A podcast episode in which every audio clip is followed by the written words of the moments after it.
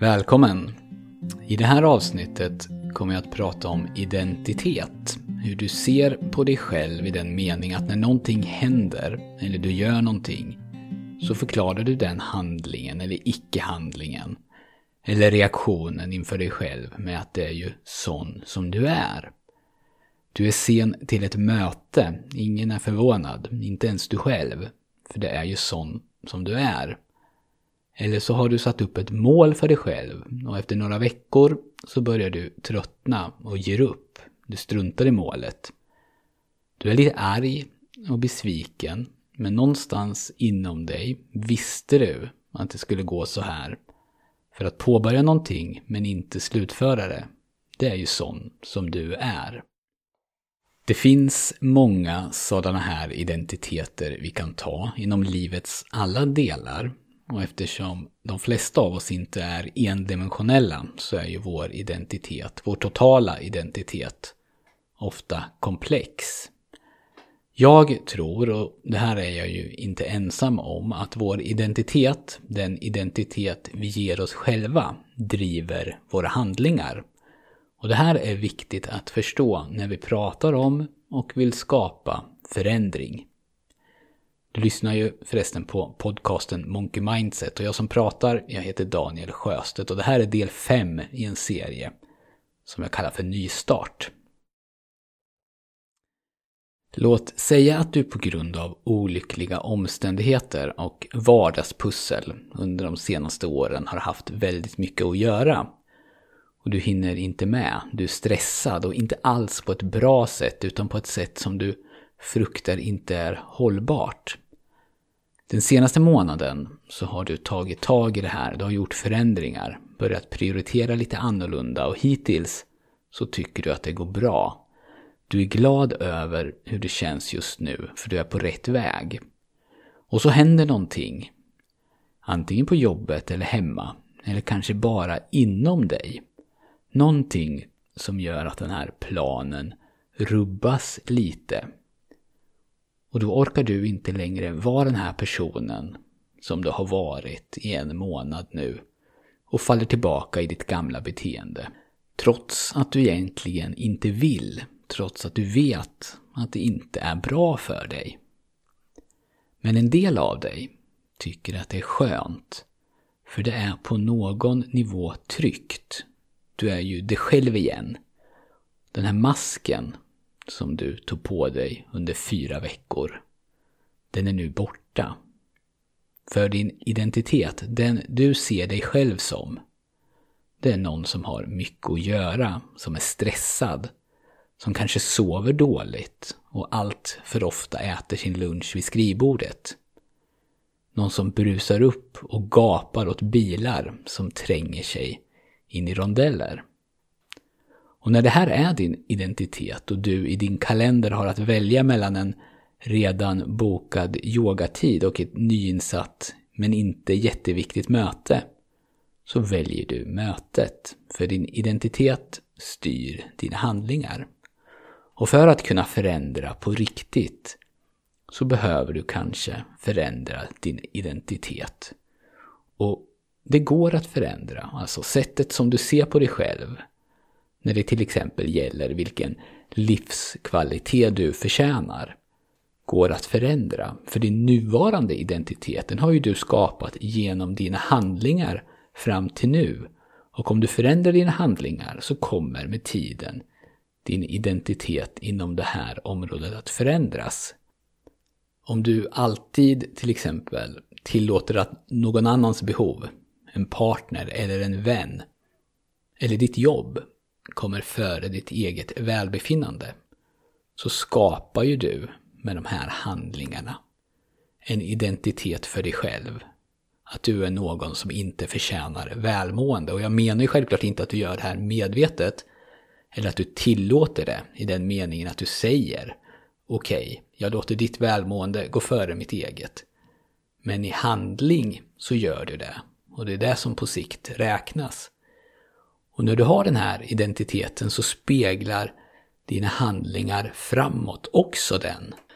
Då är det svårt att bryta ett beteende eller skapa nya vanor. För det går ju emot vem du är. Vem du ser dig själv som. Och det här är alltså ett annat sätt att se på förändring, eller kanske ett kompletterande sätt att se på förändring. För det jag har pratat om tidigare, med små regelbundna handlingar som på sikt blir någonting stort och hållbart. Det gäller fortfarande och jag kommer också prata om det senare i nästa podd. Men som både du och jag vet så är ju det här svårt. Inte att veta vad vi ska göra.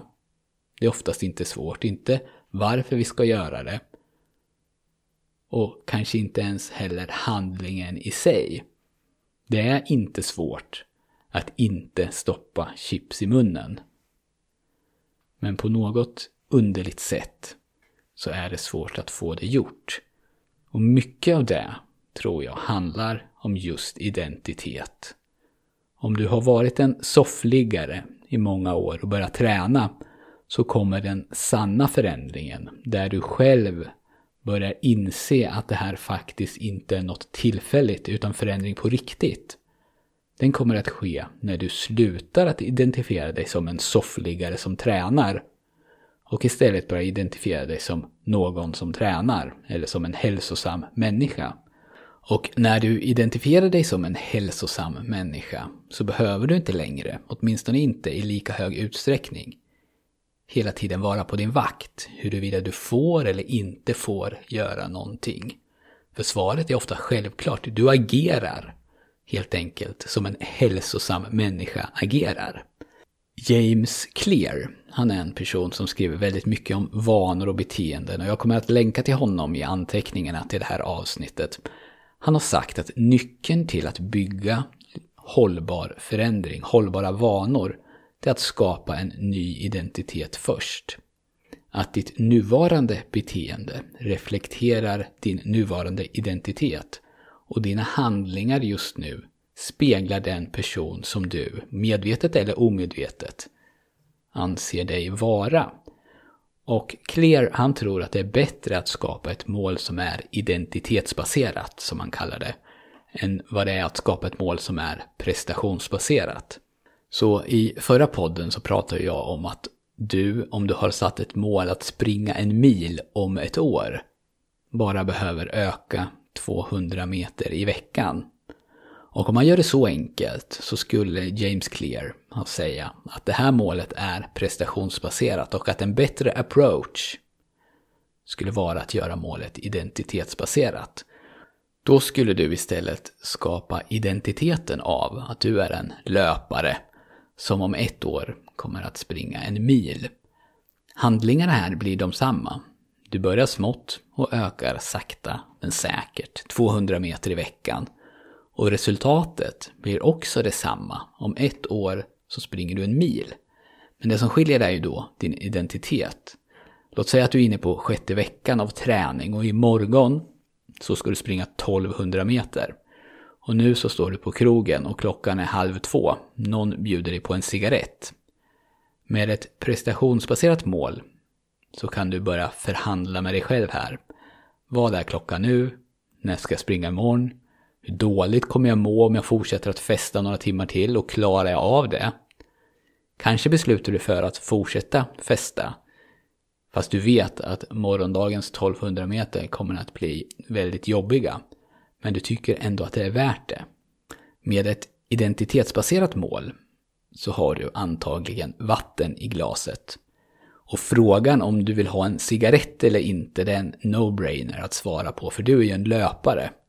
Och löpare, de blir inte fulla dagen före träning. Och löpare röker inte. Nästa vecka ska vi prata om hur du kan förändra din identitet. Men till dess så kan du fundera på vilken identitet du själv har. Finns det något område där du förklarar bort att det inte går som du vill med att det är ju sån som du är? Vilket eller vilka områden är det? Och när börjar du anta den här identiteten? Och finns det områden där andra har en bestämd uppfattning om vilken identitet du har? Och där ditt agerande bekräftar det, kanske trots att du innerst inte vill ha den identiteten. Jag hoppas att det här avsnittet har gett dig några nya tankar och infallsvinklar. Det finns ju väldigt få facit vad gäller sånt här, det är min absoluta övertygelse. Utan om vi vill ha resultat, eller om vi bara vill må lite bättre, så tror jag att vi behöver testa olika saker och se vad som passar för just mig, eller för just dig. Och det är också ganska roligt att testa nya saker. Man behöver inte göra det med ambitionen att man ska förändra hela sitt liv, utan man kan göra det bara för att få lite omväxling. Du hittar tips på artiklar om det här i anteckningarna till det här avsnittet och adressen dit är monkeymindset.se. Om du gillar det som du hör i den här podden skulle jag uppskatta recensioner på iTunes. Och Monkey Mindset finns numera också på Facebook. Kolla in det om du vill och du vet väl att du kan få det som du behöver för att komma igång med mental träning av mig. Det kostar ingenting.